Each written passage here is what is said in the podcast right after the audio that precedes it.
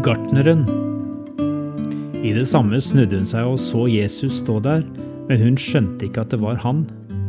Hvorfor gråter du, kvinne? spør Jesus. Hvem leter du etter? Hun trodde at det var gartneren, og sa til ham, Herre, hvis du har tatt ham bort, så si meg hvor du har lagt ham, så skal jeg ta ham med meg. Johannes 20, 14-15 Egentlig var det en misforståelse. Maria Magdalena kjente ikke igjen Jesus. Hun trodde han var gartneren. Var det fordi hun var oppslukt av sorg? Da kan han være vanskelig å gjenkjenne. Eller kanskje var det fordi Jesus var forandret etter oppstandelsen? Jeg tror ikke hun tok feil. For meg er det dypt meningsfylt at Maria assosierte Jesus med gartneren. Han snakket ofte om frukttrær og planter av ulikt slag når han skulle beskrive Guds rike. En gang fortalte han om et fikentre som var plantet i en vingård.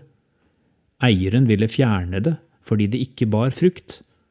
Da er det gartneren som ber om å få stelle med det. Kanskje det ville bære frukt neste gang. Lukas 13, 6-9. Vi kan forstå oss selv som frukttrærne Jesus steller. Hagen er ikke bare å forstå som menneskers indre åndelige liv eller karakter. Det er den også, men vi lager ofte et kunstig skille mellom en åndelig og en fysisk verden. Ifølge Bibelens begynnelse ble de første menneskene plassert i en hage. De skulle være gartnere der, det harmoniske livet fikk en brå slutt da menneskene sviktet. Edens hage kan virke som en tapt drøm, men Gud sluttet aldri å bry seg om oss og hele sitt skaperverk, mennesker, dyr og planter.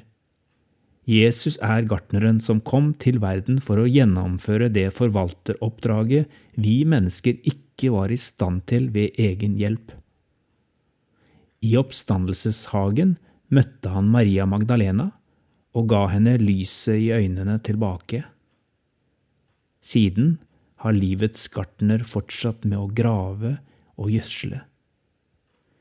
Det underlige er at mens han tålmodig arbeider med våre liv og med en jord ute av balanse, sender han oss samtidig tilbake som gartnere og medskapere i denne verden. I påvente av en ny himmel og en ny jord ber vi om at Guds rike skal komme på denne jorden, slik som i himmelen. Til ettertanke. Hvis Jesus er gartner, hva trenger du at han gjør i ditt liv?